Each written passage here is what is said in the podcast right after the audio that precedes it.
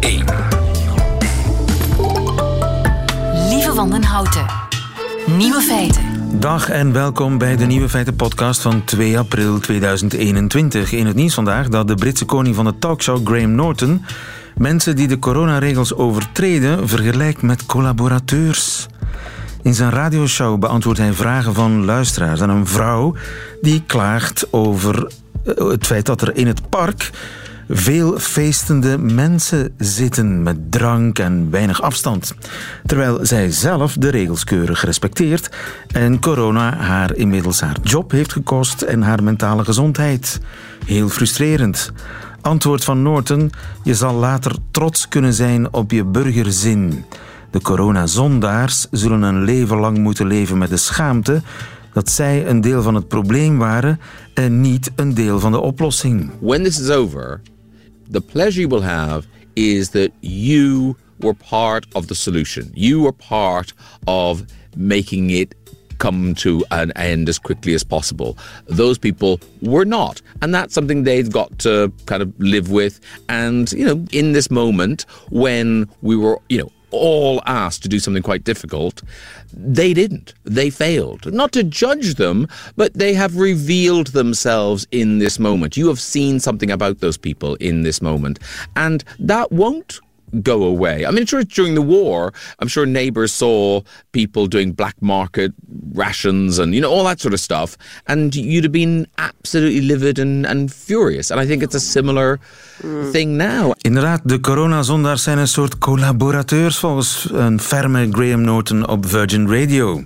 Een hart onder de riem voor wie zich ondanks de frustratie toch aan de regels houdt. Je zal de rest van je leven trots kunnen zijn op je bijdrage aan de oplossing. De andere nieuwe feiten vandaag. André Vermeulen schrijft een boek over 65 jaar Belgische preselecties voor het Songfestival. Sander van Hoorn, de NOS-man in Brussel, verbaast zich over de uitspraken van minister Van den Broeke. En dankzij high-tech weten we nu ook waarom kruidnagel werkt tegen tandpijn. De nieuwe feiten van Nico Dijkshoorn hoort u in zijn middagjournaal. Veel plezier. Nieuwe feiten. André Vermeulen, mijn collega, heeft een boek geschreven en waar zou dat toch over kunnen gaan?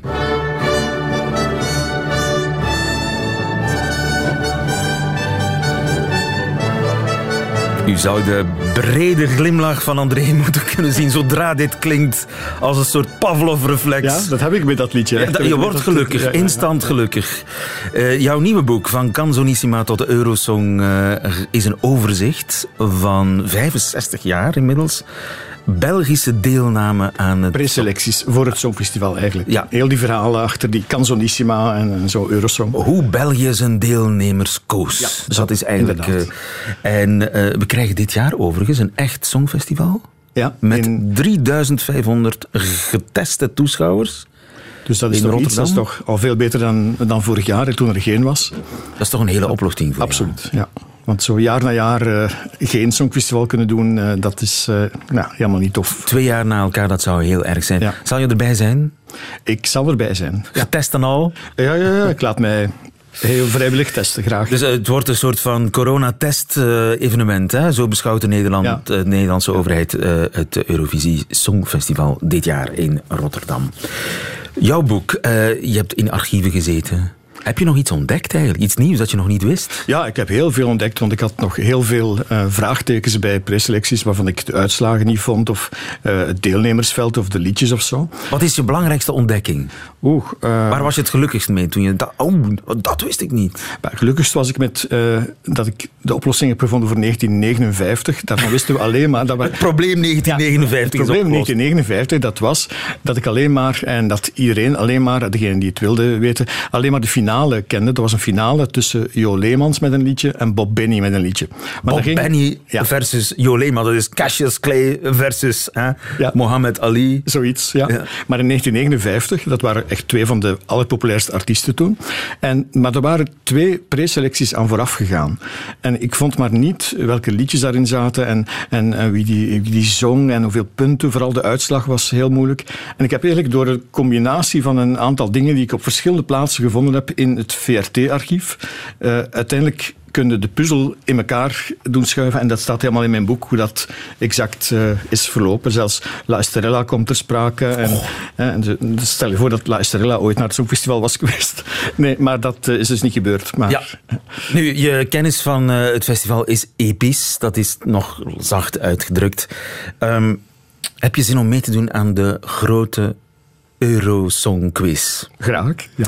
Of de Canzonissima quiz. Ik ga dan weer geen enkel juist uh, antwoord, maar... Ja. Uh, jouw kans om uh, eh, 12 punten te verliezen. Hmm. of te winnen. Of te winnen. Dit is vraag 1. Het zijn allemaal geluiden. Goedenavond, beste vrienden in Nederland. Samen met onze Belgische kijkers nodigen wij u uit op onze teleshow. De tv maakt muziek. Tijdens dit programma zal Bobby Aanschoepen u drie liederen presenteren die kans maken om België te vertegenwoordigen op de finale van het festival van het Europese lied te Frankfurt op de 3 maart. Beste kijkers in Nederland en in België, wij wensen u veel genoegen. Ja, wij wensen nu veel genoegen. Te Frankfurt. Prachtig, hè? Ja, fantastisch mooi Nederlands. Dat was Tante Terry. Terry. Tante Terry, want inderdaad, ik heb zes geluidsfragmenten voor jou. De bedoeling is dat jij uh, zoveel mogelijk herkent en duidt. Dus Tante Terry is Terry van Ginderen was omroepster bij de toenmalige... Het, het NIR heette dat nog, denk ik, nog voor de BRT. We zitten in welk jaar? 1957. En dat was de preselectie eigenlijk op televisie, tegelijk voor Nederland en voor Vlaanderen. Ja, want ze begroet ook de Nederlandse kijkers. Dus was er een gezamenlijke preselectie? Nee, nee, nee, nee. Het was echt de Vlaamse preselectie, dus ook te volgen was op uh, de ook Nederlandse uitgezonden op de Nederlandse televisie? live op hetzelfde moment. en wij, wij zonden ook de preselectie uit in die tijd van Nederland. Er was nog meer uh, ja, en, en die, verbinding die, tussen Die vedetten waren ook wel bekend hè, in Nederland. Het, was, het ging allemaal rond Bobby Schoepen bij ons. Hè. Bobby Schoepen die was echt ook heel, heel, heel bekend in Nederland. Hè. Ja. Dus dat was ja, voor hen een, een mooi programma met een bekende vedette. Ja, en dus in de loop van die uitzending zou dan het winnende liedje Bobby aan Schoepen, dat was een zekerheid, die zou gaan. Ja. En je had, eh, dus je had Bobby Schoepen die de drie liedjes zong die uitgekozen waren uit zeven uh, opdrachten die ooit waren ingevuld. Er waren zeven opdrachten aan componisten gegeven. En die hadden dus alle zeven een liedje ingestuurd. Dat werd eerst, omdat Bobby Schoepen nog in Amerika was op het moment uh, dat dat allemaal moest gebeuren, werd dat toevertrouwd aan andere artiesten.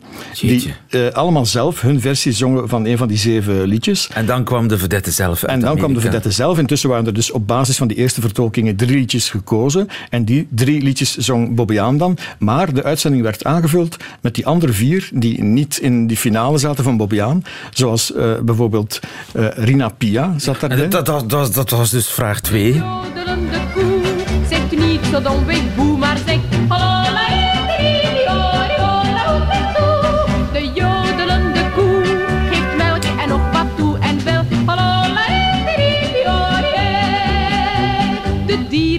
Enzovoort en, en zo verder, de jodelende koe. Dat had dus ons lied op het Songfestival kunnen zijn. Volgens mij was dat een cultklassieker geworden ja, voor altijd. Veel kansen gemist, hè. Ja. Veel kansen gemist.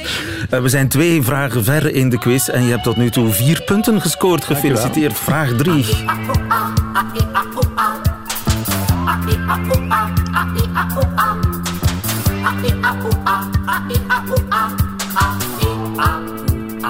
Wat hebben we gehoord? Dat was de intro van De Opera door De Opera. En dat is uit de preselectie Eurosong 1981. Dat was een trio uit Brugge. En ik heb er eigenlijk voor de rest nooit meer iets van gehoord. Niemand eigenlijk, hè? De opera met de opera, dat klonk zo. We zijn de jongens van de opera. We zingen om tot aan de la. En misschien wel meer, maar dat is een andere keer. Goeie tekst ook, hè? Ja, ja, ja. ja. Jeetje.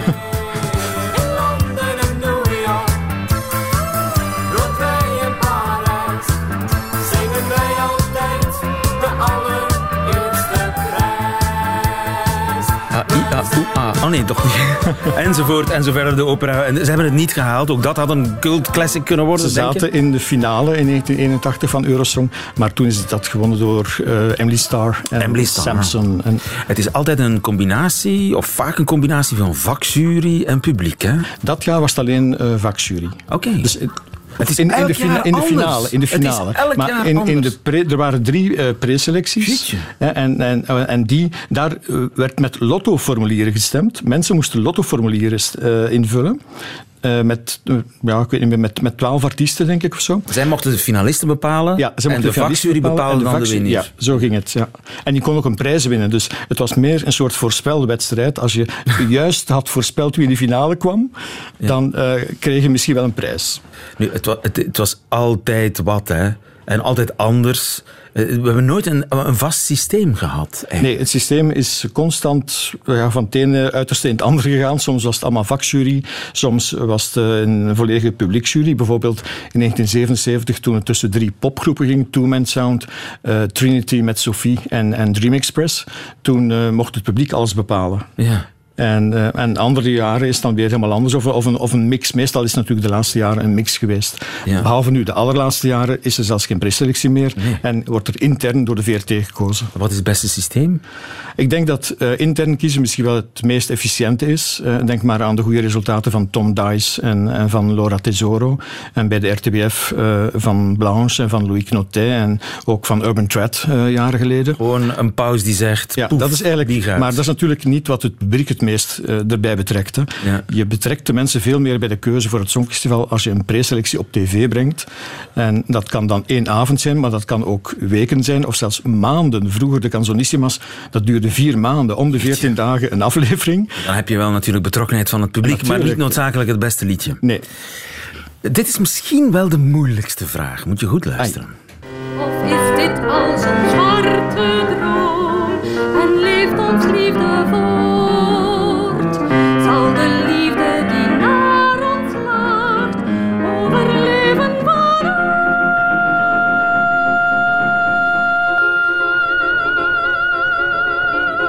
Wat hebben we gehoord, André Vermeulen? dat is het lied dat niet naar het Songfestival is gegaan in 1985. Juist. Je hoorde, het was echt wel hoogstaande cultuur. Componist. Eh, componist is eh, Frederik de Vreese. Dat was een soort van huiscomponist bij de VRT, maar dat was een heel bekende Modern klassiek, hedendaags- modern klassieke, klassiek. ook filmmuziekcomponist.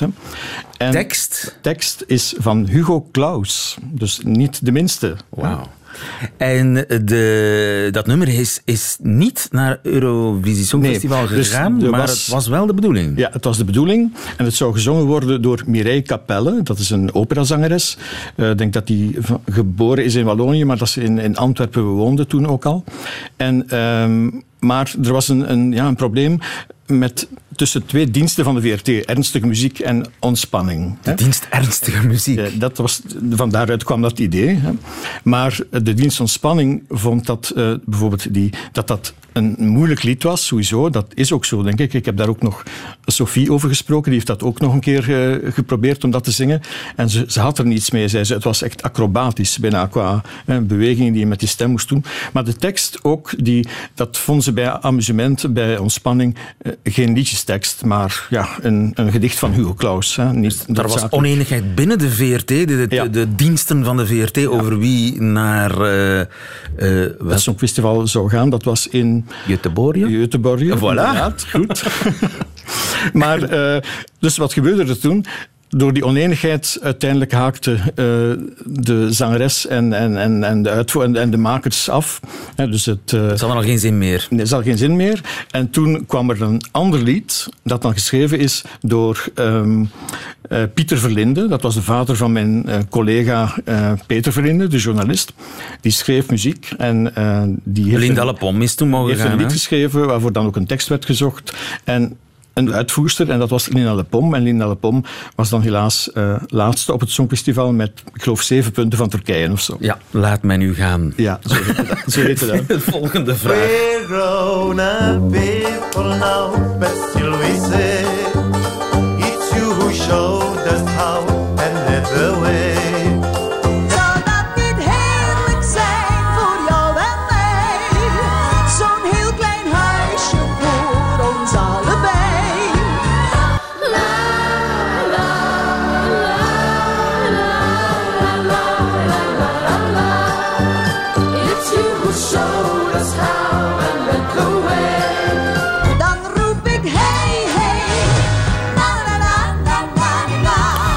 André Vermeulen, kandidaat Eurosong-kenner. Wat hebben we nu gehoord? Ja, een eh, suggestieve mix eh, is dat volgens mij van Hey Nana van Misha Mara. Eh, ons Belgische Eurovisielied in 1979, in Jeruzalem was dat. En het andere is denk ik Auntie.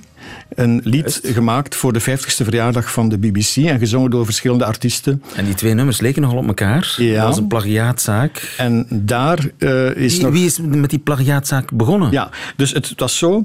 Misha Mara eh, had als enige, was, de enige kandidaat in een Eurosong-reeks. Dat is nooit tevoren gebeurd, dat er, ik geloof, vier of vijf afleveringen werden besteed aan zeszelfde liedjes die Misha Mara zong. En dat was dan een afvallingswedstrijd. En uiteindelijk bleven er drie over in de finale en werd dan gestemd en zo. Misha Mara had een favoriet lied, dat heette Comment ça va. Comment ça va? Ja, en dat was een, eh, geschreven door de Pebbles, hè, door Bob en Fred van de Pebbles. Rock and roll. Ja, eh, ja, als je het zo kunt zeggen. En ehm, dat lied hadden ze ook al eh, wel verkocht gekregen aan verschillende buitenlanden via die muziekbeurs in. Misha in Cannes, wou in met Midem. dat nummer naar Jeruzalem Zo, absoluut met dat lied naar, naar het Songfestival. En wie besliste daar anders over? En het, eh, eerst eh, was het publiek, ook weer de jury. En van aflevering naar aflevering bleek dat Comment ça va meest punten haalde. Maar dan in de finale was er een andere jury, waar eh, onder meer ook eh, ehm, eh, mensen van de VRT in zaten, die meestemden en zo. En... ehm, toen was de uitslag anders. Plots won daar Hey Nana in plaats van die Comment ça va. Heel echt tot, tot, tot ontzetting van Misha Mara. En dat schijnt, ik hoorde er altijd over dat ze haar hebben moeten het podium opduwen om dat lied opnieuw te zingen. Want ze was echt totaal van de kaart. Ze had het nooit verwacht dat het zou gebeuren. Klopt het dat er toen een reserveploeg, een B-ploeg, een backup-ploeg meegegaan is naar Jeruzalem? Voor Jeruzalem, er was een, een- niet echt een B-ploeg mee, er was een, eh, een, een koorzangeres mee, Nancy D. En zonder dat Misha Mara dat wist, hadden ze die Nancy D ook helemaal opgeleid, eh, om, ook met dezelfde danspasjes en, en choreografie, om als Misha Mara op het einde toch zou zeggen op de valreep zo van ah, ik ga dat toch niet doen, want ik haat dit lied, wat, wat ook echt zo was, hè, eh, om haar dan te vervangen door die Nancy D. En dat wist Misha Mara dus zelf niet tot dat moment. Dat heeft ze ook pas later vernomen. Ja, en de plagiaatzaak is eigenlijk door de omgeving van Misha Mara zelf ingespannen in de hoop dat het nummer op die manier Ja. zelfs niet zou... Dus dat was zo nog de enige kans die overbleef om toch met Comment ça va naar het Songfestival te gaan, namelijk de winnaar eh Hey Nana laten uitschakelen. Ja. Daarvoor is naar Sabam gegaan bijvoorbeeld, maar Sabam vond dat toch maar geen plagiaat eigenlijk. En een rechter zag ook geen, eh, geen eh, goede zaak in een, in een zaak in kort Ja. geding. Dus het werd dus toch die Hey Nana. En alweer laatste. Eh, en eigenlijk niet. Ah, nee? Nee, met z'n tweeën waren ze voorlaatst. Gedeeld, gedeeld voor laatste of verdeeld Dus eigenlijk laatste. laatste. Waar blijven de dames? Dit en Hilde. Dit en Hilde. De sfeer is goed.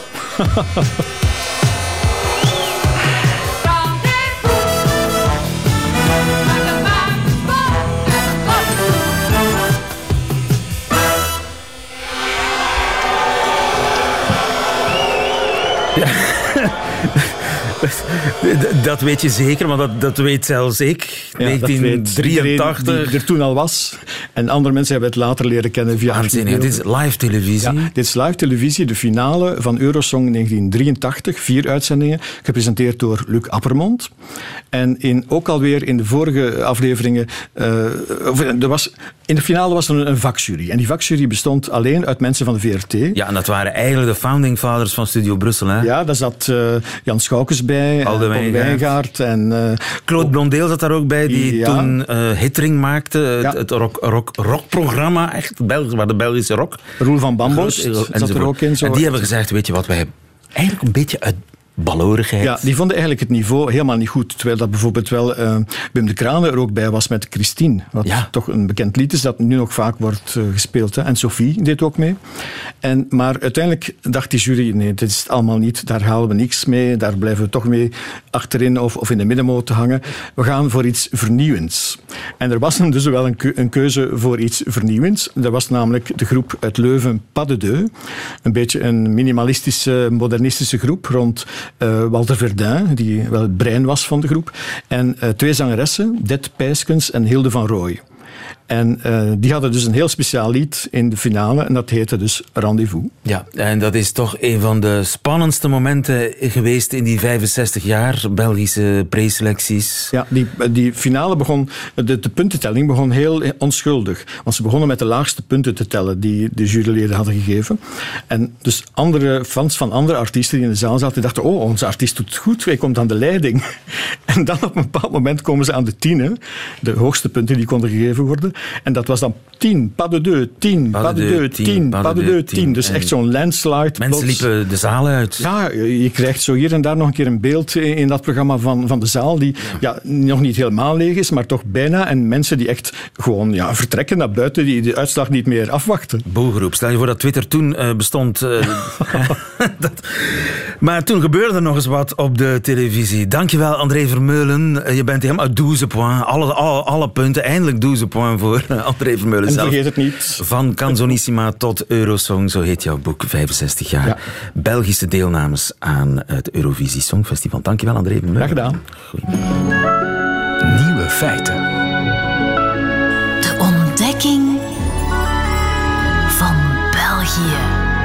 Door Sander van Horen, de Nederlandse correspondent in Brussel, de NOS-man voor Europa en voor België, die nu al een paar jaar in Brussel woont en ons land met stijgende verbazing ontdekt. Maar soms ook zijn eigen land, hoor.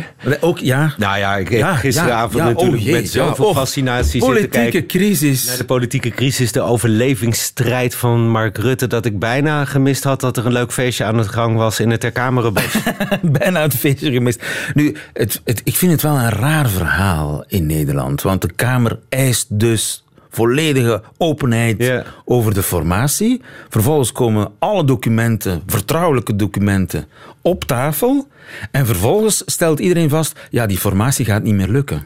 Nee, maar dat is een dynamiek die niemand ook kent op dit moment. Hè? Dus je, het is ook wel heel verhelderend om dan onze wedstraatjournalisten te horen zeggen van ja, we weten het ook niet. Want die openheid in deze fase van de formatie, dat is gewoon uniek. Dat is nog nooit voorgekomen, is ook nog nooit nodig Dat is geweest. gewoon dom. Maar ja, Nee. het begon met iets doms. Hè? Dat eh, Ja. naar buiten lopen met dat A4'tje waar we het vorige week ook al over hadden. Maar En daarop stond omzicht andere functie. Ja, Maar en- eigenlijk werd bedoeld omzicht minister. Nou ja, los daarvan, want daar gaat het al niet eens meer over. Het gaat erover dat er eh vervolgens Gelogen is. gelogen is door Ja. de premier.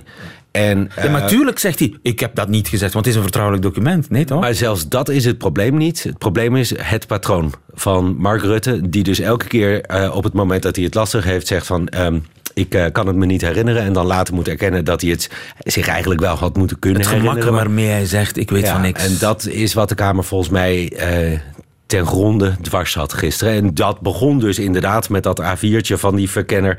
wat gewoon een stommiteit was. Maar dat is op die manier zijn eigen leven gaan leiden... en geleid tot waar we nu zitten.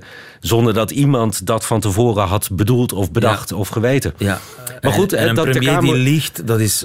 Ook, ook al is het maar één keer, en ook al was het eigenlijk om de vertrouwelijkheid van een document te beschermen, onacceptabel. Nou, onacceptabel? Nee, dus niet. Want hij heeft het al vaker gedaan. Of in elk geval vaker de schijn gehad dat hij eh, op zijn minst toch wat de randjes van de waarheid heeft opgezocht. En het is dat patroon. Het want ook dit, ook dit hier, ja. daar zou hij normaal gesproken mee weggekomen zijn. Laten we trouwens vaststellen dat hij daar ook deze keer, ondanks dat patroon, waarschijnlijk toch gewoon mee wegkomt. Hè? Dus dat, dat, dat moet je natuurlijk wel. Maar het is dat patroon. Het is die eh, doctrine, de Rutte-doctrine van het niet volledig of onjuist of, nou ja, op het randje van juist eh, communiceren en informeren. Dus hij wordt de volgende premier, denk je? Dat, eh, ik eh, schaar mij achter het leger commentatoren in Nederland. Ik zou het op dit moment niet weten. Het kan ook Kaag worden. Ja, of een andere VVD'er, maar wie dan? Ja, er staat niemand klaar. Maar goed, je bent hier eigenlijk om over België te België praten. te vertellen, Tuurlijk, ja. Maar ik ben ook nieuwsgierig naar wat er in Nederland, Nederland gebeurt, gebeurt, natuurlijk, ja. uiteraard. En, Nou ja. En, en, ja, en de vergelijkingen tussen beide landen. Is, is er iets wat jou deze week is opgevallen? Nou ja, dat, dat feestje in het Terkamerenbos natuurlijk. Ehm, wat wij in Nederland dan ook hebben gehad. Hè, die kolkende mensenmassa in eh, het Vondelpark. eh, al een hele tijd geleden tijdens de vorige hittegolfje. Eh, maar ook in, in Nederland, net zoals hier in Leuven, stadsparken die moeten worden afgesloten. Dat soort dingen. Alleen wat ik dan zo zuur vind, is die verontwaardiging eh, die daarover wordt uitgesproken hè, tegenover die jongeren. Natuurlijk, die honderd uh, relschoppers, daar wil ik het niet over hebben. Maar dat mensen wetend dat het een 1 april grap is, toch niet om te rellen, niet om problemen te veroorzaken, maar naar dat ter Kamerenbos toe gaan. Dat zou je toch aan het nadenken moeten zetten. Eh, Op zijn minst. Van oké, wat is er dus kennelijk aan de hand met onze jongeren dat zo'n evidente 1 april grap er zo'n drang is tot een uitlaatklep. En, en daarom verwijt ik het niet jij waarschijnlijk of anderen die zeggen van schande en ik hou me wel aan de regels en dit is een affront en een klap in mijn gezicht en het mag van mij allemaal. Alleen een politicus die hier schande van spreekt, daar heb ik toch meer problemen mee.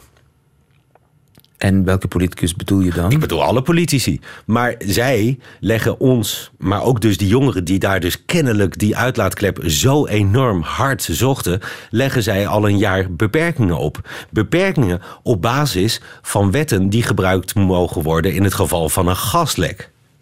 Wetten waarvan dus ook een rechter, meerdere rechters, geen eensluidend oordeel, maar de afgelopen week een rechter heeft gezegd van dat mag niet, dat is geen juiste juridische basis. En dan Frank van den Broeke. Dus als we ons niet aan deze maatregelen houden, dan gaan onze ziekenhuizen kapseizen. Hè. Wat een rechter of een politicus daar ook over mogen denken, dat heeft dan zelfs geen enkel belang meer. Hè. Dan gaan onze ziekenhuizen kapseizen. Hij zegt eigenlijk wat de rechter zegt, heeft geen belang. Nou, sterker nog, als wij de rechter volgen, dan gaan onze ziekenhuizen kapseizen. En dat is eigenlijk waar, waar ik me zo over verbaasde deze week in België, maar eerder ook al natuurlijk in Nederland. Dat je natuurlijk tijdens die eerste golf eh, is het roeien met de riemen die je hebt. En als je dan. Er was toch ook gedoe, ook eh, juridisch gedoe over de avondklok? Is er wel dezelfde reden, Ja? dat is dus gebaseerd op wetten die daar eigenlijk niet voor bedoeld zijn. Die kun je daarvoor gebruiken. Alleen dan heb je als overheid dat zo snel mogelijk op een deftige manier te regelen. En dat is dus met de pandemiewet van Van der Linden hebben ze dat kennelijk zelf ook verzonnen. Maar die is er nog altijd niet. En dat is na een jaar. We zijn inmiddels twee golven verder. En het is nog altijd die noodwetten die gebruikt worden om ons hele drastische beperkingen op te leggen. En dan even los van die relletjes gisteren in het Ter Kamerenbos en die zeven gewonde politiepaarden. Het feit dat de regering ons dat oplegt, daar moet je tegen beschermd worden. Het is de essentie van, als je nog een stapje terugneemt, van een rechtsstaat. Dat burgers beschermd worden tegen de grillen van de overheid. Dat burgers naar de rechter toe kunnen om de overheid zich aan de eigen wetten te laten houden. Juist. En, op het moment dat dus zo'n Frank van den Broeke daar op deze manier op reageert, denk ik, dit is precies het type politicus waar die rechtsstaat ons tegen moet beschermen. Waar haalt de man het lef vandaan? En natuurlijk, het is evident, die ziekenhuizen die mogen niet omvallen. Maar dat geeft jou dan als politicus de plicht om dat op een fatsoenlijke manier te regelen. En is dat in, in Nederland op een fatsoenlijke manier geregeld? Absoluut niet. Ik zeg niet dat Nederland wat dat betreft beter is. Alleen ik mag. Maar is er intussen een, een grondwettelijke basis voor de avondklok in Nederland? Die ligt nu op eh, dit moment in de Eerste Kamer, dus in eh, de, de, de, de, de Senaat. Eh, die moeten daar nog eh, zich over buigen. Er is dus om die avondklok toen op te lossen een nieuwe noodwet gekomen. Ook niet vrij. Maar nu is er dus een tijdelijke wet eh, COVID-19 in de maak.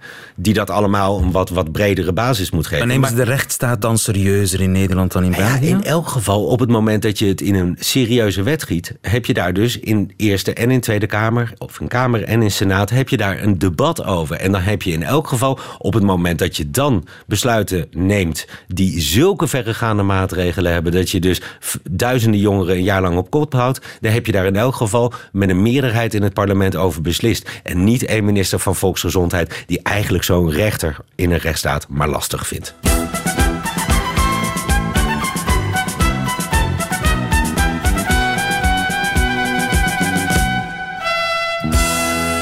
Examen Vlaams. Dat moest ik even kwijtmerken. ja, dat merk ik ook. Maar eh, nu ga je een toontje lager zingen. Oh ja, nee. Ja, Ja, hoor, ja, ja. absoluut. Straf me.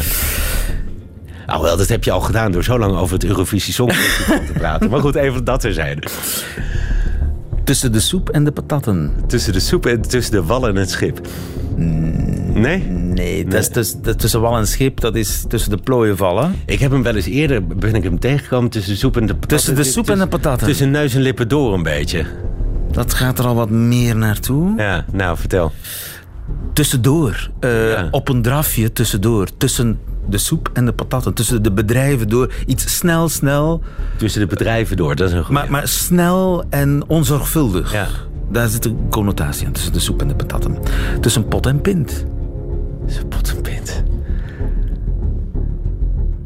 Eh, Maar maar de- geen flauw idee, hij is weer heel mooi. Nee. Tussen pot en pint. Tussen pot en pint, ja, ik kan me er iets bij voorstellen, maar... Bij ja. een borrel. Bij een borrel. We gaan dat tussen pot en pint regelen. Niet altijd, Maar niet wat is dan de pot? Het is eigenlijk ook een pint, Oké, denk ik. Tussen twee pinten door. oké. Veronderstel ik. Cool. Ik heb er eigenlijk nooit over, na- over nagedacht. Maar als je een kwestie informeel wil regelen, zonder al te veel plichtplegingen, bij een glaasje, Ze zijn we allemaal van toepassing op eh, die coronawetgeving. hè? Alles eigenlijk. Ja. Tussen de soep en de patatten en tussen pot en pint. Ja, maar dat is, de, dat is, het, dat is België. Ja. Zwarte sneeuw. Oh god, die ben ik ook tegengekomen. Nee, ja, nee, nee, nee, nee, nee, nee. Ik faal hopeloos. Armoede. Armoede, echt waar? Is dat zwarte sneeuw? Zwarte sneeuw zien. We hebben veel zwarte sneeuw gezien. Op zwart Ar- zaad zitten Op zwart zaad zitten heeft daarmee te maken, denk ik. Oké. Nul punten. Ja, overigens, Ja. mijn verweer is dan altijd hè, dat ik dus veel meer in Franstalige kringen hier in Brussel zit.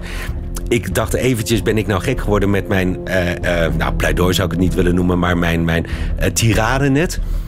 Als je de Vlaamse media leest wel, maar als je de Waalse media leest, kom je dit eigenlijk veel meer Oké. tegen. Niet voor niets dat Verontwaardiging over de... niet voor niet dat die, die Liga voor de Mensenrechten is van Waalse oorsprong. Eh, die vijf kunstenaars die eh, achter dat feestje zaten, Walen, eh, toch opmerkelijk. Toch ook een opmerkelijk verschil inderdaad tussen Franstaligen en Vlamingen. Om jou te troosten heb ik Eurosong voor jou. Oh ja. Het, de Nederlandse inzending voor het Eurovisie Songfestival. Ik zou niet weten wie het is. Ja, ik ook niet. We gaan eens samen kennis maken.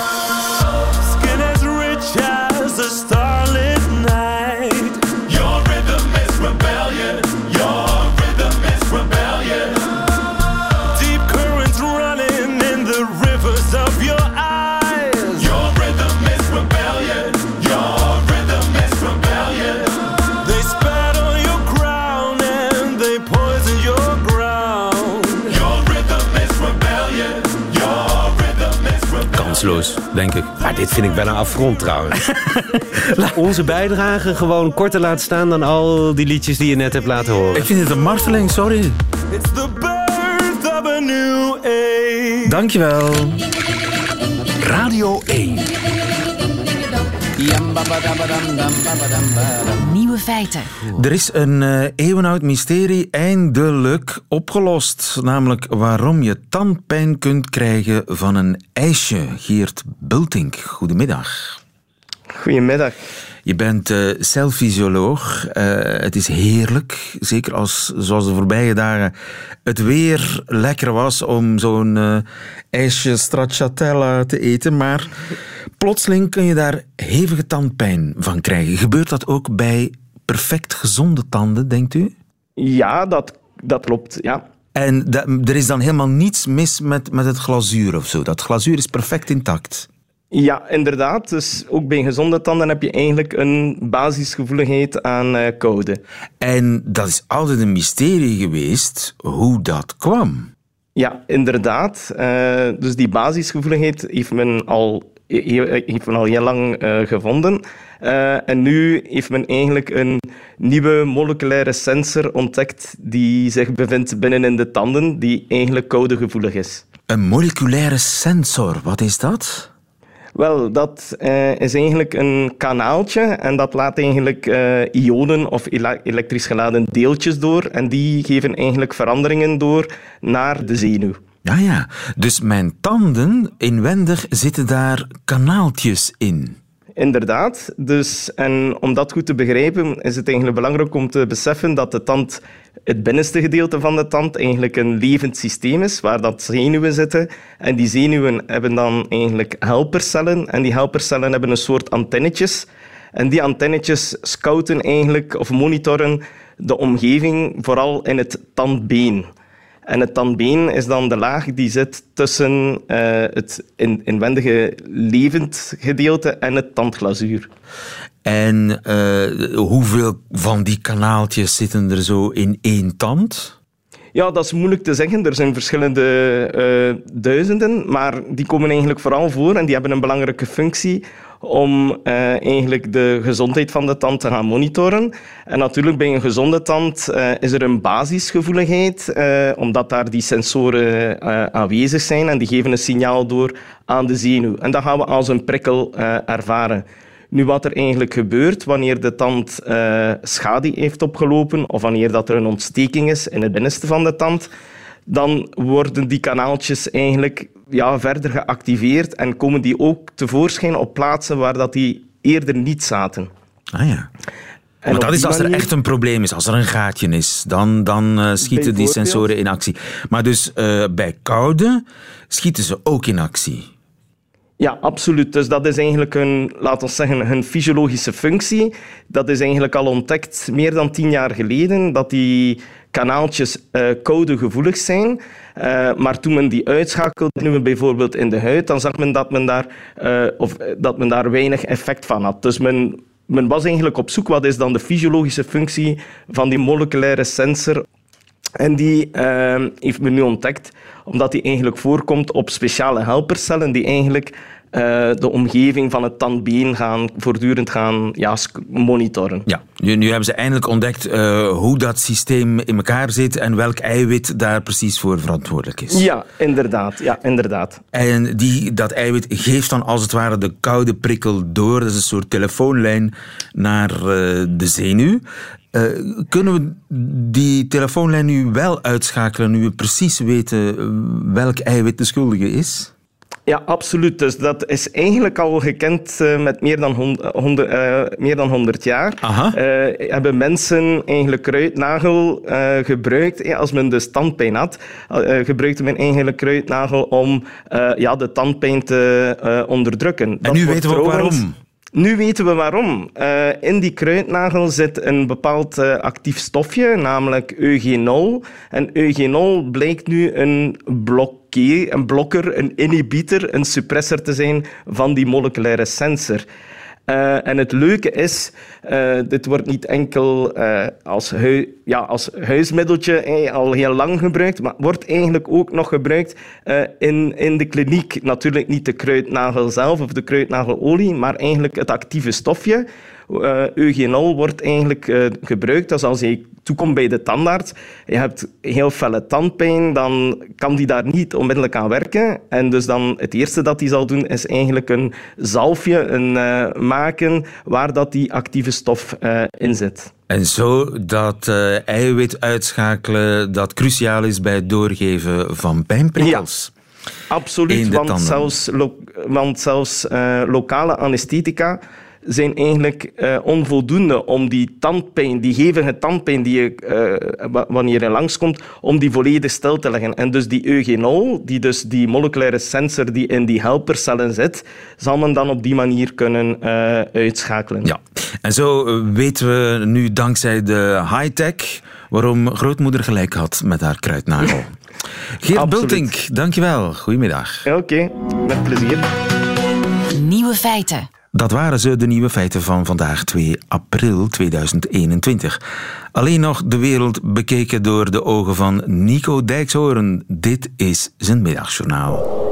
Nieuwe feiten. Middagjournaal. Beste luisteraars, ik ben woensdagmiddag gevaccineerd tegen het coronavirus. En het viel me niet tegen. Er hing opeens zo'n fijne sfeer in de wachtkamer van de huisarts. Hij deed de vaccinatie zelf en dat vond ik al een feest. Ik hoefde mijn auto gelukkig niet voor een enorme sporthal te parkeren. Want daar zag ik wel een beetje tegenop. Dat ik door heel guur weer, kerngezond, naar een desolate sporthal moest lopen en dat ze die dan hadden ingericht als een plek waar vroeger militairen al het haar van hun kop werd geschoren. Een hal vol met bureaus doet me altijd heel erg denken aan een sanatorium of aan een verhaal van Kafka. Als ik dan toch werd gevaccineerd, dan liever niet in een setting die aan een mierenkolonie deed denken. Maar daar was nu dus helemaal geen sprake van. Mijn huisarts had zijn praktijk heringedeeld als een vrolijk buurtcentrum. Samen met drie andere mannen van 60 jaar vulde ik zwijgend een gezondheidsverklaring in. En dat was confronterend. Die mannen die leken allemaal veel jonger. Het kwam weer eens een keer door dat spierwitte haar van mij. Ik kon honderd keer vertellen dat ik nog helemaal van nu was en dat ik nog allemaal muziek van nu luisterde, maar één blik op mijn platina kapsel en ik merkte het aan de manier waarop ze naar me keken. Zij zagen mij als een veteraan die met een vaccinatie nog moeizaam naar de zeventig werd getild. Maar zoals gezegd, verder was het één groot feest. Het was alsof we weer op school waren. De dokter complimenteerde ons dat we zo flink waren. De naald ging in onze arm en daarna zeiden we veel te enthousiast dat we helemaal niks hadden gevoeld. Luisteraars, alles deed mij denken aan heel hard vallen op het schoolplein vroeger. Je nieuwe broek meteen kapot, bloed op je knie, een vlammende pijn voelen en dan net doen alsof je dagelijks een gat in je knie valt. Meteen weten dat je moeder je ongelooflijk op je donder gaat geven. Weet jij wel hoe lang mama moet werken voor een nieuwe broek? En dat ze dan expres een filterplaatje van een lachend konijn op je knie naaide. Maar luisteraars, laat ik gewoon eerlijk zijn. Het vaccineren was vooral zo fijn, omdat ik weer eens een keer op een hele prettige manier aan mijn moeder dacht. Zij zou thuis aan mij hebben gevraagd: Waar zit die prik? En daar zou ik voorzichtig mijn vinger op de plek hebben gelegd. En daarna zou ik hebben gewacht op het zachte kusje.